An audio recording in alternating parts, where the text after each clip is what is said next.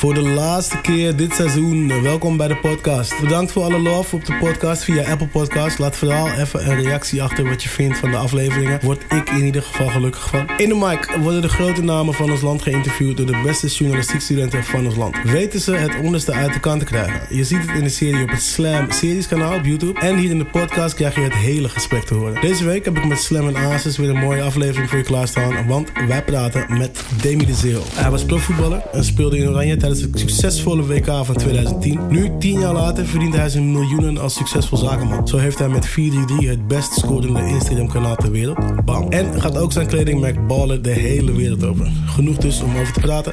Dit is The Mic met Demi de Zeeuw. Hoe is het met je? Ja, heel erg goed. Ken je dit programma? Ben je Ja, ik heb ze- eh, Ben je dit gezien?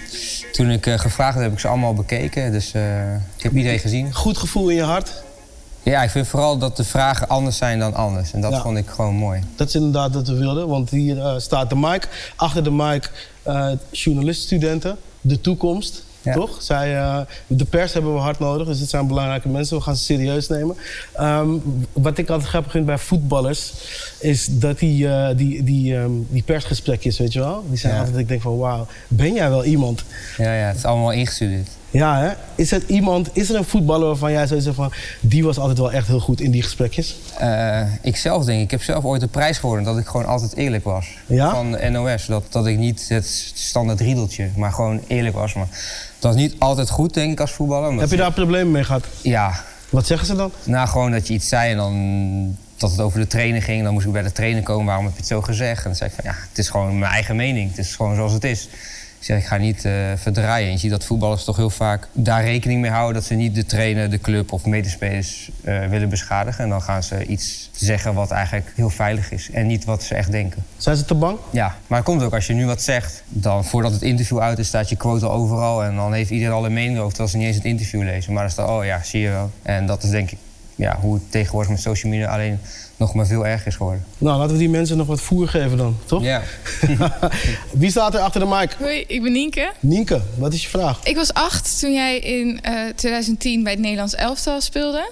Vond je jezelf goed? Ik denk op dat moment was, denk ik, voor die schop, dat ik die schop kreeg, was ik denk ik op mijn allerbest. En na die schop is dat nooit meer zo geworden. En dat komt omdat ik eigenlijk, toen die schop kreeg, moest ik naar het ziekenhuis in Zuid-Afrika. En eigenlijk heel mijn mond werd gehecht met ijzerdraad. En ja, daardoor had ik eigenlijk alleen maar ontstekingen. Ik heb nu ook een, eh, een brug in. Ik ben denk ik 30 keer naar de tandarts geweest en ik heb nooit meer zo goed en zo fit gevoeld eigenlijk als dat moment voor die schop. En ja, dat is gewoon heel erg ja, eigenlijk spijtig voor mijn carrière als voetballer. Maar daardoor ben ik andere dingen gaan doen. En ja, nu ben ik gewoon heel gelukkig met wat ik doe. En ja, dus de vraag of ik goed ben, dat is een beetje lastig. En wat voor speler was je in de kleedkamer? Eh, ik was heel stil. Ik ben altijd iemand die echt in mezelf is eigenlijk. En die eigenlijk ook alles wat ik doe, doe ik eigenlijk ook zelf. Ik ben nooit iemand die, als ik bijvoorbeeld hier zit en daar staat te drinken... dan zou ik dat gewoon zelf pakken. Ik zou het niet aan iemand vragen, kan je alsjeblieft mijn drinken pakken? En zo was ik in de kleedkamer ook. Ik was gewoon op mezelf en ik hielp iedereen. eh, als de ballen naar buiten moesten, was ik degene die dat deed. En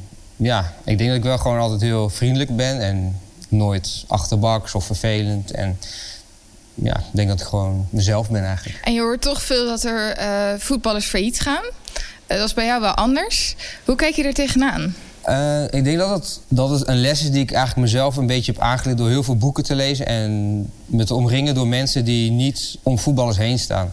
Het probleem is met voetballers vaak dat ze met jongens opgroeien en die komen uit de buurt. En op een gegeven moment verwachten jongens ook dat jij hun gaat helpen, want hun zijn altijd voor jou geweest en jij gaat hun ook helpen. En dan komt de eerste die zegt, ja, ik heb een goed idee, ik wil dit of dit beginnen. Dan denk ik, oké, nou, ik investeer een beetje hierin. Dan komt de ander die zegt, ik ga een kledingmerk beginnen, kan je investeren? Zeg je, oké, hier heb je weer wat geld. En uiteindelijk wil je ook auto's kopen, je wilt dure kleding kopen, je wil horloges kopen. Dus dat komt er ook allemaal bij. En op een gegeven moment stop je. Dan heb je in één keer het probleem dat je niet meer zoveel geld hebt als daarvoor. En het komt ook niet meer binnen, want op een gegeven moment stop je gewoon en is klaar. Ik denk dat ik op tijd wist dat ik met het geld dat ik verdien, ik verdien in Rusland heel veel geld, dat ik gewoon andere dingen meteen ging doen. Gewoon investeren in, in vastgoed of in een bedrijf starten zoals we nu hebben. De kennis die, eigenlijk, die ik nu zelf heb geleerd, die wordt eigenlijk nooit aan voetballers uitgereikt. Niemand die voetballers helpt van zegt, oké, we gaan dit met je geld doen of we gaan dat doen. Er zijn jongens die verdienen miljoen, vijf miljoen, zes miljoen, maar die hebben niet eens een CEO. Je ziet hier bedrijven met vijf ton omzet, die hebben een CEO, CFO, noem maar op. En dat is bij voetballers helemaal niet het geval. En ik denk dat het nu wel meer speelt. Dat er meer banken, eh, mensen uit de financiële wereld om de voetballers heen hangen. Dat ze beter met hun geld omgaan. Maar nog niet iedereen is daarvan doordrongen. Ja, dank jullie wel. Dank je wel.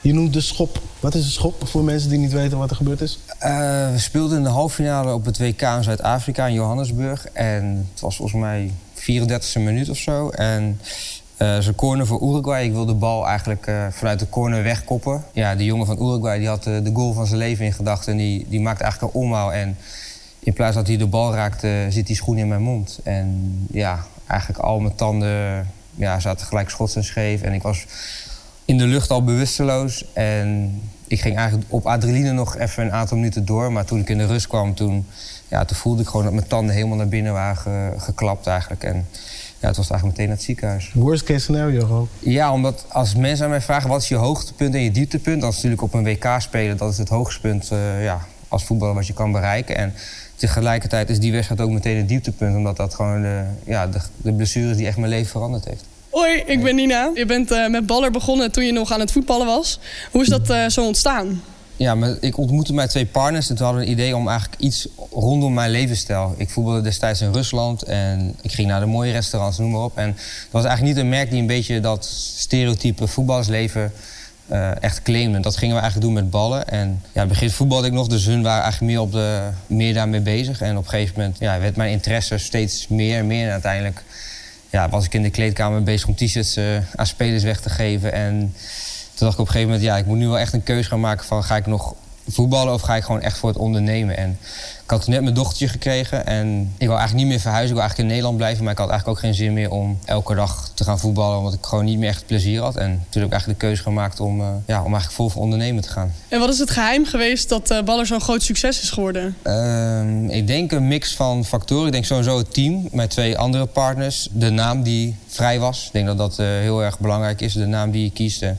Dat de naam klopt bij het hele concept. En eigenlijk concept hadden we alleen de naam niet. En ja, toen moesten we in één keer bedenken, oké, wat gaan we doen? En ja, daar kwam ballen uit voort. Die bleek ook nog te koopballen.com. Het was eigenlijk meteen, viel alles, alles op zijn plek.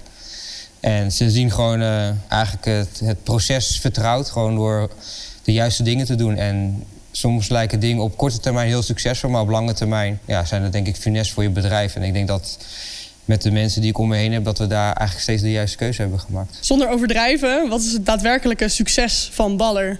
Wat is de omzet die jullie in een jaar maken? Zonder, onder, zonder overdrijven. Zonder overdrijven. Ja, zonder overdrijven. nou, we zouden dit jaar rond uh, ja, 30, 35 miljoen omzet gaan. Alleen door corona uh, ja, zou het wel iets minder worden. Oké, okay, dankjewel. Graag gedaan. Wie staat er achter de mic? Hoi, ik ben Ilja en mijn vraag aan jou was: ik wil ook miljonair worden. Heb jij tips voor mij?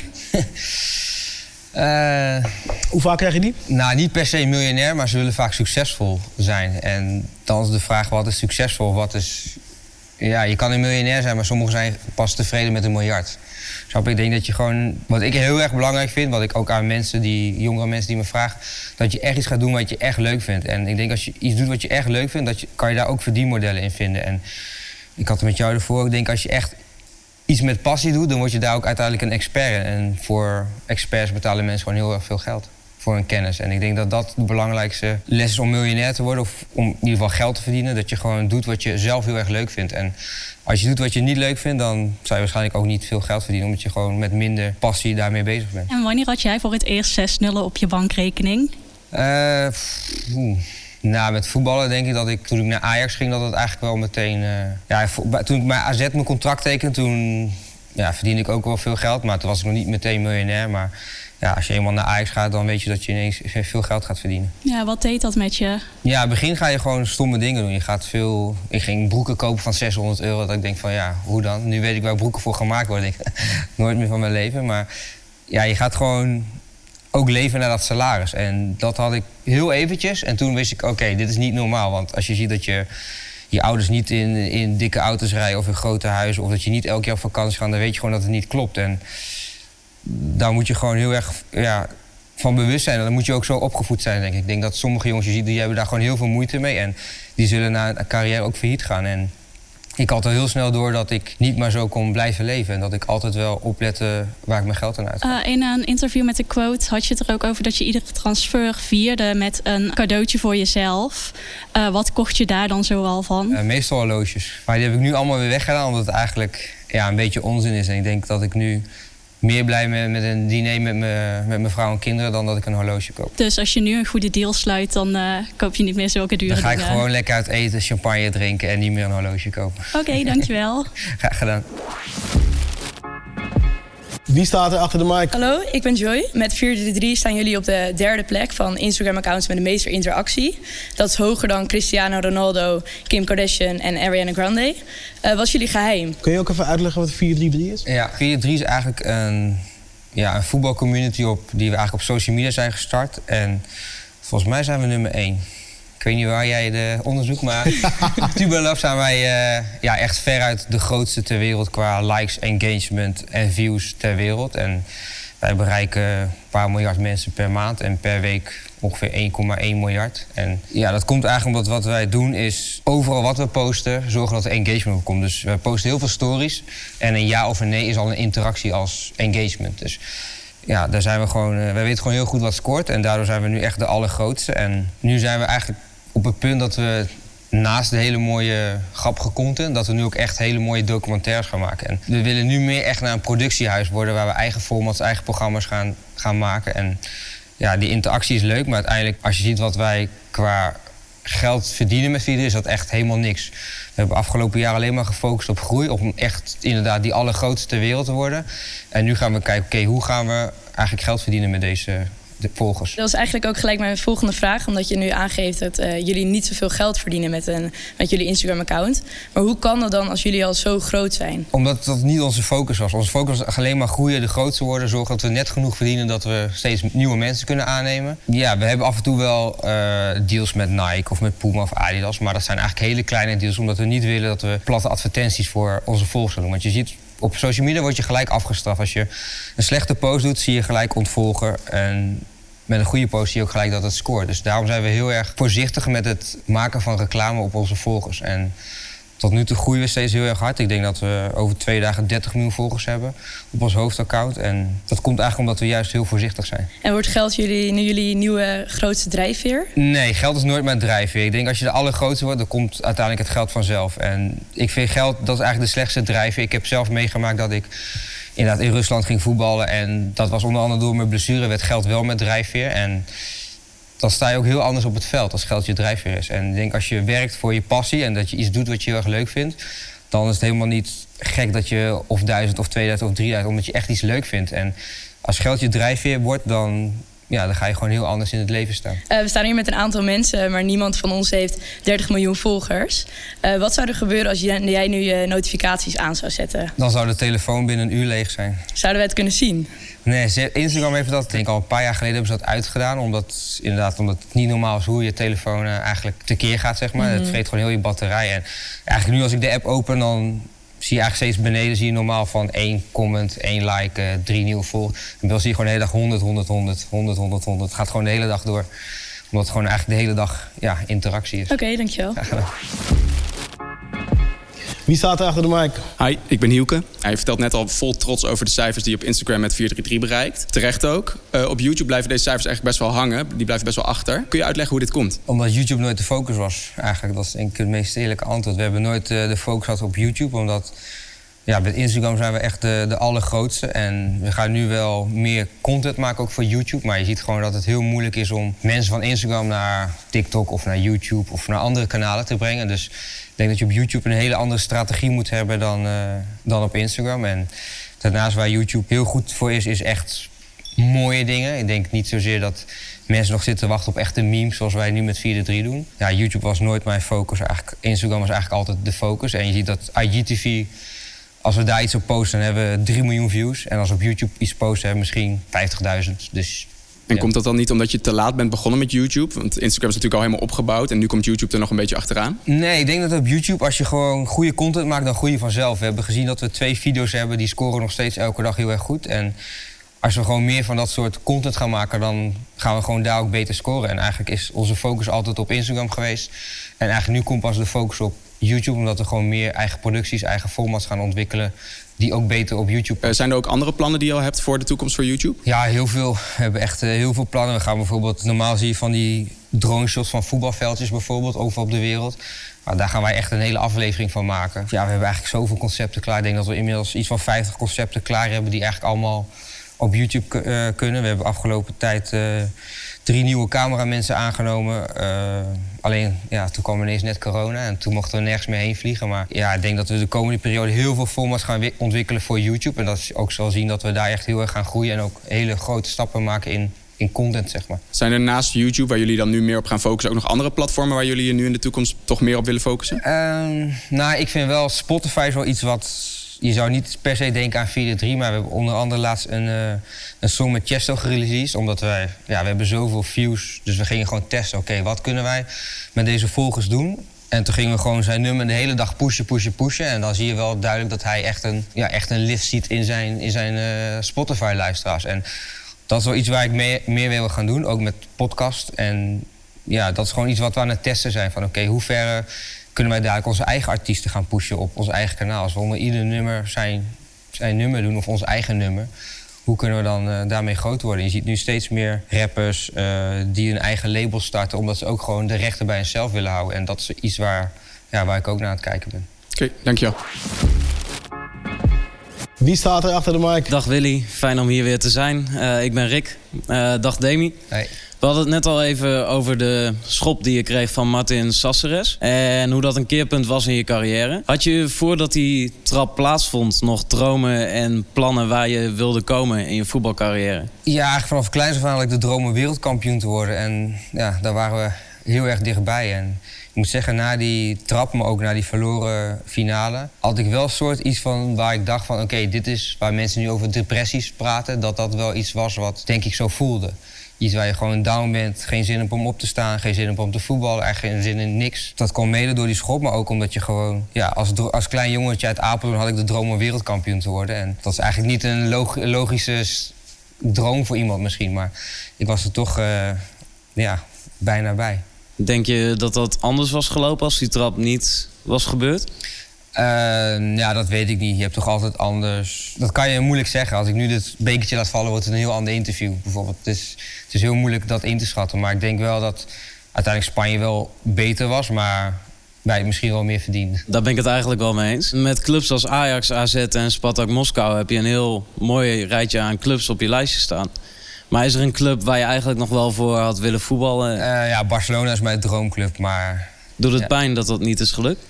Nee, het doet helemaal geen pijn. Ik ben realistisch genoeg dat ik niet goed genoeg zou zijn voor Barcelona. Maar dat is wel echt mijn droomclub. Maar ik weet ook, als ik in de Nederlands elftal met jongens als Van der Vaart, Van Persie, Robben... dan voel je dat is gewoon echt de absolute top. En ik was dat niet. Bij hun voel je gewoon...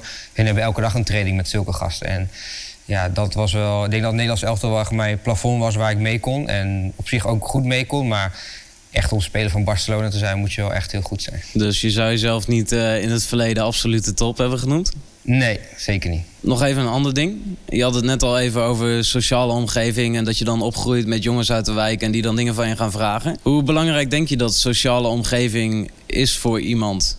En hoeveel invloed heeft dat? Want er zijn best wel veel ondernemers die zullen bij het minste of geringste zeggen: hey, ik heb het zelf gedaan. Ja, ik denk best wel belangrijk. Ik denk dat waar je geboren wordt, dat het gewoon heel erg vormt. En hoe je opgevoed wordt. Je ziet toch dat een hoop mensen. De drive komt ergens vandaan. En bijvoorbeeld, ik vind Boef een heel mooi voorbeeld. Die, zie die is echt helemaal afgeschreven na die documentaire op, op Videoland. Was iedereen helemaal Boef-fan. Terwijl eigenlijk, eigenlijk dat verhaal eigenlijk al vertelde, maar niemand wist het. En dus mensen gaan gewoon heel anders naar je kijken als je ineens vertelt hoe je bent opgegroeid of wat er gebeurt in je, in je verleden. En ik denk dat dat niet per se moet uitmaken om de keuze die je zelf maakt. En ik ben altijd iemand die heel erg naar mezelf luistert en eigenlijk niks aantrekt van anderen. En ik denk dat je dat altijd zelf moet doen en dat je niet moet laten beïnvloeden door anderen. Oké, okay, dankjewel. Ja, graag. Uh, je vertelt net twee keer dat je zegt ik hoorde niet bij de absolute top. Op, vanaf wanneer beseft hij dat? Vanaf wanneer had je zo, hé, hey, ik denk eigenlijk al vanaf de jeugd. Dan voetbal je gewoon met jongens samen die gewoon ja, echt heel erg goed zijn. Dat zie je gewoon aan hoe ze lopen, hoe ze doen, hoe ze die balbehandeling hebben. En dat zie je bij Messi ook. Daar zie je gewoon de absolute top. En ja, dat, dat ook als je met betere jongens voetbalt, dan zie je ook van... oké, ik kan me wel optrekken aan die jongens. En dan ben ik misschien af en toe zo goed. Maar hun zijn altijd heel erg goed. En nu hebben ze gewoon of een slechte dag. Maar hun zijn vaak gewoon heel erg goed. En ja, dat, dat had ik niet. Wie staat er achter de mic? Hi, ik ben Marlon. Ehm, en we hebben al best wel een aantal bedrijven van je gehoord. Maar je hebt nog een bedrijf, Wannahaves. Uh, waar je de social media strategie doet van uh, merken en voetballers. En ik was wel benieuwd, stel Messi die belt morgen en die zegt... ik wil dat jullie mijn social media gaan doen. Hoe gaat het dan in zijn werk? Ja, goede vraag. We, ja, we werken nu wel met een aantal partijen die dingen rondom Messi doen. En ja, eigenlijk we hebben meestal een gesprek met een manager en dan gaan wij eerst gewoon kijken, oké, wat wil hij, wie is hij? En als je nu naar Messi kijkt, zie je iemand die eigenlijk heel afstandelijk is, die eigenlijk niks persoonlijks, nooit persoonlijke interviews, nooit echt grappige dingen laat zien. Terwijl je, als je zo'n social media zou doen, dan zou je eigenlijk meer daarop moeten focussen. Gewoon, wie is Messi nou echt? En ja, dat zijn dingen die wij dan helemaal uitrollen met content, met, uh, met zijn team. Wat vindt hij zelf leuk? Onlangs had ik een meeting met zijn team die onder andere dat Messi sportswear van hem doen. En dan hoor je dat ze een, fotoshoot met hem hebben. Dan komen er 25 man met foodtrucks, et cetera. En dan blijkt dat Messi daar helemaal geen zin in heeft. Hij zegt, hij wil gewoon drie jongens hebben die, die dat filmen. En zegt, nou, dat zo zouden wij het doen. Terwijl grote merken vaak met heel die foodtrucks komen. En ja, voetbal zit daar gewoon niet op te wachten. En ik ben zelf voetballer geweest, dus ik heb nu vaak als wij briefings krijgen voor Warners, voor voetballers of voor merken, dan weet ik zelf vaak wat leuk is of wat niet leuk is en waar voetballers wel of niet op zitten te wachten. En daardoor begrijp ik ook wel een beetje hoe een social media werkt. Alleen je hebt voetballers die trekken zich van niemand wat aan en je hebt voetballers die heel erg bang zijn. Bijvoorbeeld Pogba is denk ik een goed voorbeeld. Als hij met Manchester gewonnen heeft, zie je de hele week foto's. Verliest hij, zie je de hele week niks. En ik denk als je voetbal, als je echt een strategie op social media gaat voeren, dan moet je gewoon consequent zijn. En winst of verlies maakt niet uit. Maar je moet gewoon maandag gewoon weer posten van... hé jongens, uh, verloren, kloten, maar ja, we gaan gewoon door. En je ziet nu vaak dat voetbals helemaal niks posten. Dan hebben ze eindelijk weer gewonnen. Dan zie je ze de hele week lachen, Snapchats, noem maar op. En ik denk dat je daar als voetballer gewoon veel meer, veel meer één lijn moet trekken. En je ziet dat Ronaldo bijna zijn meeste geld verdient via social media. En dat komt omdat hij gewoon... Hij is gewoon zichzelf. En hij wordt niet, natuurlijk wordt misschien zijn account beheerd door een, uh, een, manager of een bureau, maar je ziet wel echt Ronaldo zichzelf, die gewoon ja, zichzelf is. En Slatan is denk ik ook een heel goed voetbal. Die heeft altijd hele grappige dingen of echte Slatan dingen. En daar zit gewoon een hele marketingstrategie achter. Maar als jullie als Wannahaves iets doen voor een merk of een voetballer, krijgen jullie dan echt de inloggegevens en gaan jullie alles doen? Of maken jullie soms een soort wel, planning soms of niet. zo? Kijk, bij voetballers is het vaak niet zo, omdat die gewoon, uh, ja, die krijgen DM's en daar wil je eigenlijk ook niet tussen zitten. Maar vaak sturen wij gewoon een mapje met: oké, maandag, dinsdag, woensdag, donderdag moet je dit gaan posten. En soms posten ze wel, soms posten ze niet. En dat is toch een beetje lastig met voetballers. Maar met merken zien we wel dat er gewoon echt een hele constante lijn doen. Want social media is eigenlijk meer als ja, gewoon een relatie. Je praat tegen je vrienden ook elke dag. Je kan niet tegen je vriend uh, vandaag praten en uh, over drie dagen denken... ah, zal ik dus weer wat tegen hem zeggen. Ik denk, social media is precies dat. Je moet gewoon met elkaar in gesprek. En alleen dan, ja, dan groeien we hard. En dat hebben wij bij 4-3 gezien, dat we gewoon heel hard groeiden... omdat we elke dag twintig keer tegen iedereen aan het praten waren per dag. En ja, dat vinden mensen toch fijn. Um, en is de grootste fout die uh, merken en voetballers maken online dan ook dat ze niet consequent genoeg posten? Ja, en ook niet weten voor wie ze posten. Als je als voetballer uh, allemaal jonge fans hebt, dan moet je niet alleen maar oude lullen dingen gaan posten bijvoorbeeld. Je moet weten wie, voor wie je het doet, de content maakt, zeg maar. En je moet dan ook goede content maken. Ik denk dat dat heel belangrijk is. Alleen content is niet genoeg. Je moet ook echt goede content maken wat echt past op de doelgroep en wat past bij jezelf. Als je achter iets gaat, iets gaat posten waar je helemaal niet achter staat, dan ja, dat voel je. Je hebt eerst gevoetbald en toen ging je ondernemen. Het komt over alsof je best wel goed wist wat je wilde. Maar hoe wist je hoe je dat moest doen? Hoe had je de kennis om zo'n succesvol, uh, zulke succesvolle ondernemingen te starten? Omdat ik eigenlijk gewoon dingen ging doen waar ik blij van werd. Ik vond het gewoon heel erg leuk om dingen te ontwerpen. Uh, dingen te zien groeien. Ik denk dat dat eigenlijk het leukste van alles is. Gewoon het proces dat je iets bedenkt in je hoofd van ik ga zo en zo, dit gaan we zo doen. En uiteindelijk het ook zo wordt. En ik denk als je een grote droom hebt, dan ga je die droom steeds verleggen. En mijn grote droom was echt om uh, een collab te doen met een groot merk. Nou, vorig jaar hadden we met uh, Anton Griezmann, met Puma, een hele grote collab. Wat is nu de grote droom dan? Ja, nu, nu is denk ik echt gewoon een top 10 merk in de wereld zetten met ballen. Ik denk dat dat echt mijn allergrootste droom is. Dat je gewoon echt een wereldmerk neerzet. En dat het niet alleen maar om fashion gaat. Maar ik denk Armani is denk ik mijn, mijn grote voorbeeld. Die hebben Armani hotels, uh, vastgoed, huizen, auto's, uh, boten, alles. En dat is echt wat, waar ik ook naartoe wil. Naar de beurs? Nee, niet per se naar de beurs. Maar gewoon dat je iets, ja, een soort van legacy achterlaat van oké, okay, ik zie daar een hotel, dat is ballen. Ik kwam met iemand op de fiets voorbij, die was ook ballen. Eh, ik kijk op mijn telefoon, ik heb een telefoon van ballen. Gewoon dat je alles ziet, oké, alles wat een voetballer aanraakt... zou in principe ballen moeten kunnen zijn. En dat is, dat is mijn allergrootste droom. En ja, daar zijn we nu mee, goed mee, mee op weg in ieder geval. Dankjewel. Dankjewel. Denk je dat je iedereen, eh, denk je dat iedereen beter van kan worden van jouw je, je bedrijf als jij de, de social media doet? Ja, Iedereen. ik denk iedereen, ja. Ik denk dat wij, hoe wij werken, hoe wij met social media bezig zijn... dat dat voor iedereen zou werken. En wij waren, was, vorig jaar was ik bij Facebook op kantoor in New York. Dat was de hoofddirecteur van Nike onder andere daar. Gewoon echt de allergrootste, een van de allergrootste baas. En toen spraken we over social media en hij vertelde als wij iets posten... dan gaan er twaalf brandmanagers naar kijken. En dan is eigenlijk het spontane is eigenlijk al eraf. Ja. Dus ik zei tegen hem, waarom ga je niet gewoon bij al je grootste atleten gewoon comments plaatsen? Ik zeg, dan ziet iedereen ook gewoon Nike. Zeiden, ja, dat is eigenlijk wel een goed idee. En een paar weken later zie ik in één keer onder een Ronaldo-post... zie ik Nike gewoon alleen just do it. En die kreeg gewoon 15.000 likes. En dan dacht ik van, oké, ze hebben toch wel een beetje naar ons geluisterd. Wat is, wie is jullie grootste succesverhaal dan? Nou, we doen eigenlijk doordat Nike eigenlijk eh, een hele goede partner van ons zijn we eigenlijk door hun naar voren geschoven om te praten op congressen en ja, bijeenkomsten. En uiteindelijk is daar eh Intersport, denk eh, die doen eh, een paar miljard per jaar. Zijn wij nu eigenlijk hun hoofd ja, social media. We doen eigenlijk al het social media voor hun, van posten, content maken, eigenlijk alles. En is er iemand bij wie het toch niet echt gelukt is? Zoiets van ja, het ligt niet aan ons bijvoorbeeld? Of Ja, soms heb je dat als dat je met merken werkt waar het gewoon niet helemaal werkt. Omdat het, ja, of omdat er te veel mensen mee bemoeien.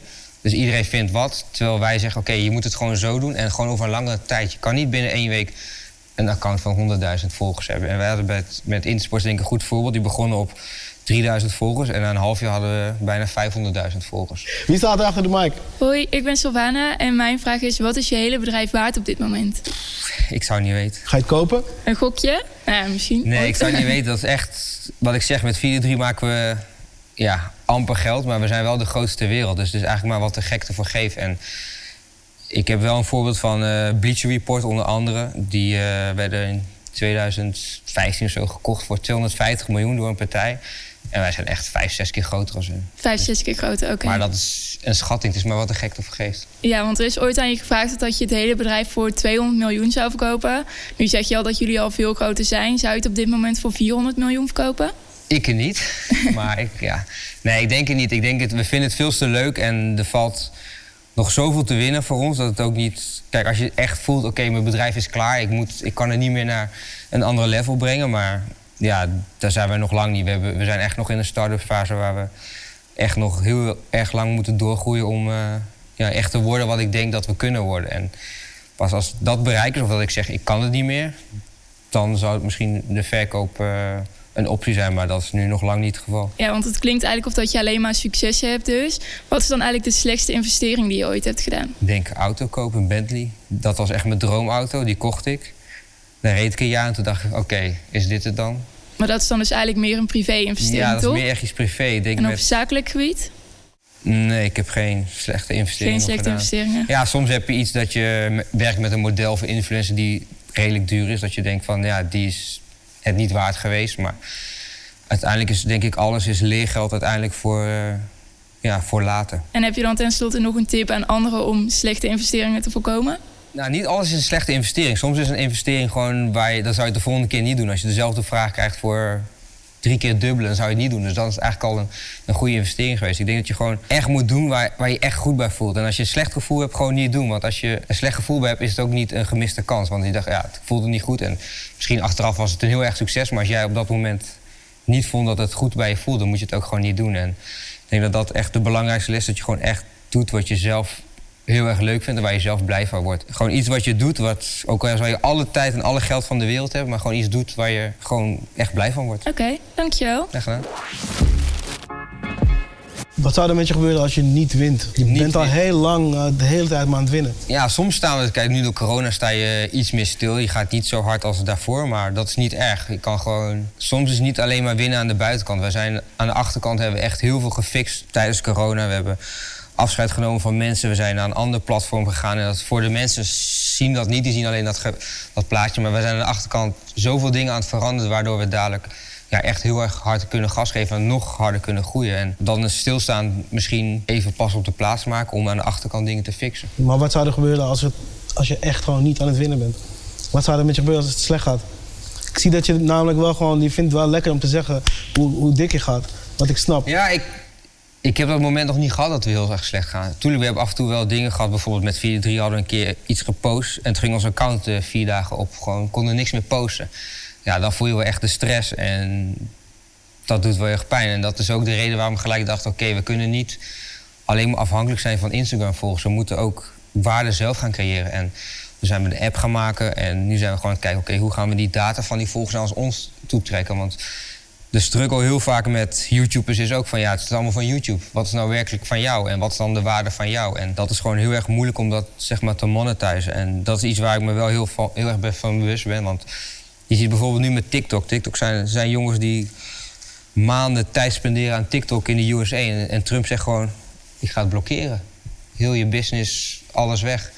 En ja, dat is wel een risico die je altijd hebt. Wie staat er achter de mic? Hi, ik ben Alice. Je hebt vijf jaar lang in een pleeggezin gewoond. Hoe heb je die uh, periode ervaren? Uh, ja, ik kan me eigenlijk niks meer van herinneren. Het enige wat ik me kan herinneren is dat ik soort van bij Sinterklaas op schoot zat. dat is eigenlijk heel gek. Dat is eigenlijk het enige beeld dat ik echt me kan herinneren uit die tijd. En ja, ik was natuurlijk heel erg jong en ik ben nu 37. En ja, het gekke is dat ik me eigenlijk niks meer van herinner. Alleen dat ik ja, bij Sinterklaas op schoot zit. En dat komt misschien ook omdat ik een aantal foto's vaker die foto terug heb gezien. Maar dat is eigenlijk het enige wat ik me echt, echt kan herinneren. Wat ik nu denk, oké, dat is iets wat in me opkomt. Je hebt wel bij een interview bij Day One heb je gezegd dat je altijd wel een beetje ongewenst voelde. Ja, heeft dat je gemaakt als persoon? Hoe je dat invloed op jou gehad? Ik denk het wel. Ik denk dat hoe je geboren wordt of hoe je opgevoed wordt, dat heel erg invloed heeft op wie je bent en wat je uiteindelijk uh, belangrijk vindt in het leven. En wat ik eerder al zei, ik ben altijd iemand die alles zelf doet, liefst zelf doet en niet afhankelijk wil zijn van anderen. En dat ik gewoon zelf mijn eigen ja, weet wat ik wel en niet kan. En als ik echt niet kan, vraag ik het aan een ander. Maar uiteindelijk probeer ik wel zoveel mogelijk echt zelf te doen. En ook zo min mogelijk te delen met anderen wat ik doe. Heeft het ook op invloed gehad op jou als vader? Ja, ik denk het wel. Ik ben iemand die zich eigenlijk helemaal niet druk maakt om dingen. Dat soms uh, ja, lijkt dat heel arrogant. Maar als, mensen, als ik mensen hoor praten over wat die of die op Instagram of Facebook heeft gedaan, denk ik van ja, zo, wat heeft het met jou te maken? Waar word jij je beter van? En dat probeer ik bij mijn dochter ook wel meer te zeggen. Van als er iets gebeurt met iemand en jij wordt er verdrietig om, dan, dan is het niet nodig. Want het, heeft niks invloed op jou. Je moet gewoon zelf zorgen dat je zelf gelukkig wordt en niet afhankelijk bent van anderen. En dat is soms wel moeilijk, omdat ze natuurlijk klein meisje is. Maar ik wil gewoon dat ze echt op zichzelf, trots op zichzelf wordt om wat, wie ze zelf wordt. En dat ze zich niet moet druk maken om wat anderen van haar vinden. En ja, als je ziet in het leven nu van tieners, van pubers die gemiddeld volgens mij iets van 600 berichten per dag via WhatsApp, uh, Instagram, Facebook toegestuurd krijgen. Er komt gewoon heel veel informatie binnen. En dat is gewoon heel erg moeilijk om zelf te bepalen wie je bent. Omdat je gewoon heel erg ja, invloedrijk bent. Je bent jong, je weet nog niet precies goed wat je wil. En ja, toen ik opgroeide was er geen social media en was er heel weinig invloed van anderen. En toen ben ik eigenlijk ja, heel erg naar mezelf teruggetrokken eigenlijk veel meer in mezelf thuis, in het, in het gezin ook. Ik was eigenlijk veel meer alleen en ik volg echt mijn vlucht in voetbal. Ik was alleen maar aan het voetballen, elke dag aan het voetballen. En dat is denk ik ja, eigenlijk ook mijn redding geweest. En heeft die mindset je ook geholpen in het ondernemerschap? Ja, omdat ik wel... Het, ik probeer het echt zelf te doen en de partners die ik heb, die laten me ook heel erg vrij. Ik doe echt... Ik ben nul verantwoordelijk voor de organisatie. Ik doe gewoon echt de creatieve dingen, de leuke dingen, de concepten bedenken. En ik ben nul verantwoordelijk voor enige organisatie of voor planningen, noem maar op. Ik doe alleen maar de leuke dingen. En voor de anderen heb ik echt een heel team voor. En zo ben ik in mijn kracht en zo ben ik eigenlijk ook al die tijd gegroeid. En dat is denk ik ook hoe, hoe ik ben. Als ik nu bijvoorbeeld een gewone kantoorbaan zou nemen, dan zouden de mensen helemaal gek worden. Die denken van ja, wat, Demi, wat kan je nou? Je kan, je kan helemaal niks. Waar denk je dat het vandaan komt dat je zulke grote dromen hebt? Als kind wereldkampioen. En nu wil je een merk dat even groot is. Ja, misschien ook gewoon hoe je geboren wordt. Dat je toch voor jezelf de dingen gaat verleggen van oké, ik ben alleen en wat is dan, wat moet ik dan gaan doen? En ik ben gewoon, ja, gewoon dromen gaan zien die ik misschien. Want hoe, hoezo je bent alleen?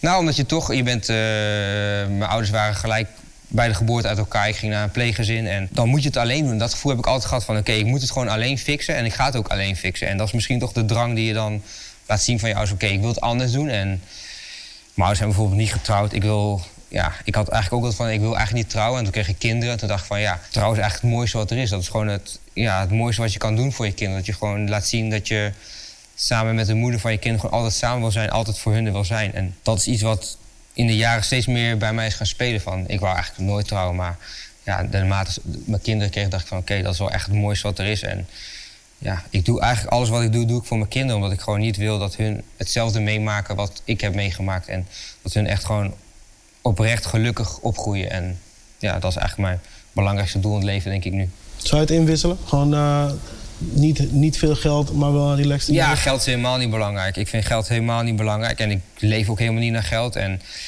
ik vind herinneringen maken veel belangrijker.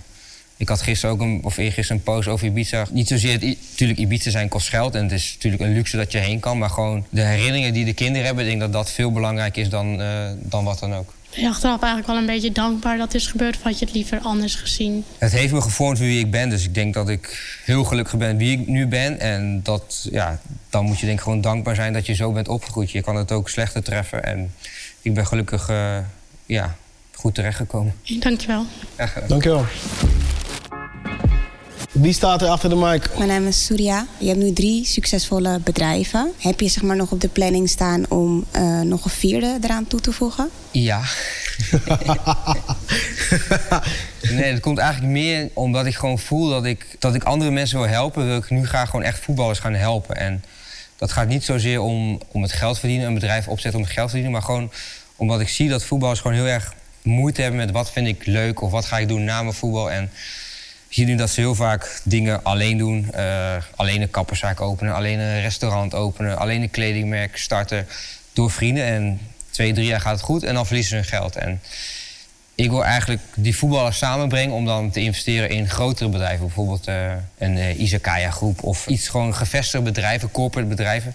Waar je gewoon gaat investeren als, als groep. Waardoor je en meer aandeel kan krijgen. En wat gewoon op de lange termijn ook geld oplevert. En ik krijg doordat ik nu mensen mij zien dat als succesverhaal als een voetballer. Krijg ik steeds meer voetballers ook met de vraag van oké, wat moet ik doen? Of wat hoe kan ik mijn geld beleggen? En toen dacht ik van, waarom ga ik dat niet gewoon zelf doen? Omdat het, het bestaat er nog niet. En ik denk dat het wel een nieuw bedrijf is wat, uh, ja, wat er binnenkort aan gaat komen. Hoe werkt dat, zeg maar, zo'n proces als je weer nog een bedrijf gaat beginnen? Hoe komt die ingeving om dat te doen? Nou, eerst moet het concept bedenken. Oké, wat is precies de insteek? Hoe gaan we voetballers zover krijgen dat ze uiteindelijk geld betalen? En ja, toen ik begon met ballen en 4-3, eigenlijk had ik de eerste, had ik Elzo Elia en Gregory van der Wiel gevraagd om te investeren. En toen had ik helemaal nog niks.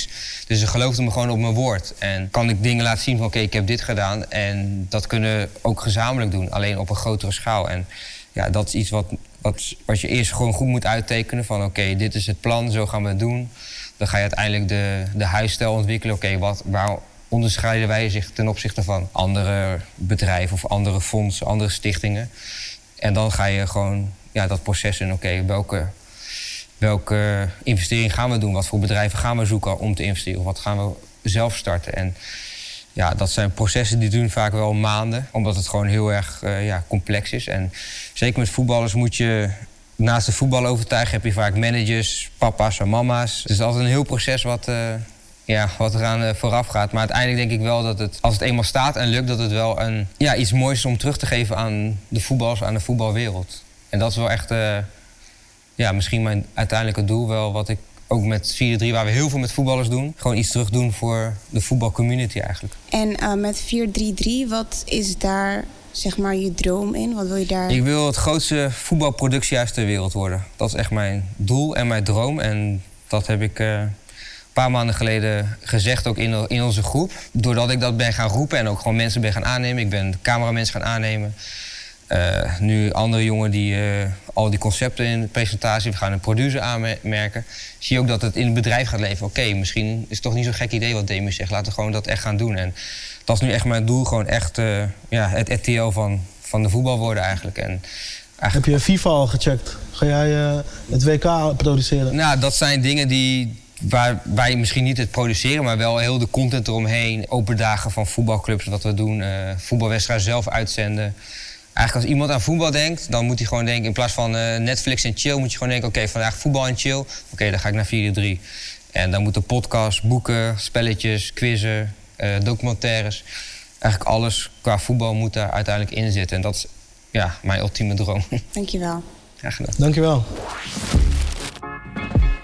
Hoe was het voor je? Ja, heel erg leuk. Ik had natuurlijk vorige keer al gezien dat de vragen gewoon anders zijn als anders. En ik denk als je ja, journalisten vragen stellen, dat je sowieso andere vragen krijgt. En ja, de journalisten van nu, die, de studenten, die zijn toch meer into online en social media. En ja, als je soms dan met mensen van de krant praat, krijg je gewoon een hele andere vragen. Heb je, heb je jezelf iets anders horen zeggen dan normaal? Iets nieuws? Nee. Dat niet? Ik zeg eigenlijk altijd... Altijd ja, ik ben altijd eerlijk, dus ik zeg altijd dezelfde dingen. En als mensen me een vraag stellen, dan krijgen ze ook gewoon het antwoord wat, ze, ja, wat ik altijd geef. Ja. En ja, ik denk dat je gewoon zo eerlijk mogelijk moet zijn. Heb jij misschien nog een vraag? Nou, misschien wat is jouw passie en jou- jouw doel qua ondernemen? Je bent nu onderdeel van, van dit, maar Ja. wat is uiteindelijk... Hoe zie jij jezelf als ondernemer? Wat zou jij doen? Het enige wat ik echt wil is, is sterven als een van de grootste in de muziek in Nederland. Dus ik moet gewoon eh, nog zeker 40 albums maken met de jeugd en ook solo. Dat is de eerste focus. Verder zou ik het wel echt heel tof vinden als mijn kinderen gewoon niet echt hoeven te werken. Dat gaat volgens mij wel lukken. Ehm, en, en de rest komt wel, denk ik, man. Maar de grootste in muziek, hoe bedoel je? Ik wil een soort van. Ken je, ja, ik wil gewoon. Zoals eh, Kees de Koning, die is ook de grootste. Oh nee man, ik heb het meer over iemand als Stevie Wonder of zo. Snap je wel? Op die manier. Als, als, echt als artiest. Als Ik hoef geen label te hebben. Ik heb geen zin in een soort van... eh, wat jij zegt, papa's, mama's, managers. nee, nee, nee. Ik wil gewoon zelf de artiest zijn. Ja. Dan zijn we volgens mij bij het einde gekomen. Je hebt het gered tot het einde. You are good people. Dit, is echt, dit was de laatste aflevering. En eh, bij deze wil ik jou bedan- bedanken, man. Dankjewel voor het komen. Toffe antwoorden. En eh, ik heb wat dingetjes van je geleerd. Doop je te leren kennen. Thank you. En dat was dan de Mike Podcast voor dit seizoen alweer. Ja man, huilen. Wil je nu de video's zien? Check het Slam Series kanaal op YouTube. En laat ons vooral weten wat je vindt van de podcast. Wellicht komen we binnenkort nog terug met seizoen 2. Je weet het niet. Je wil het wel. We houden van je. Dankjewel.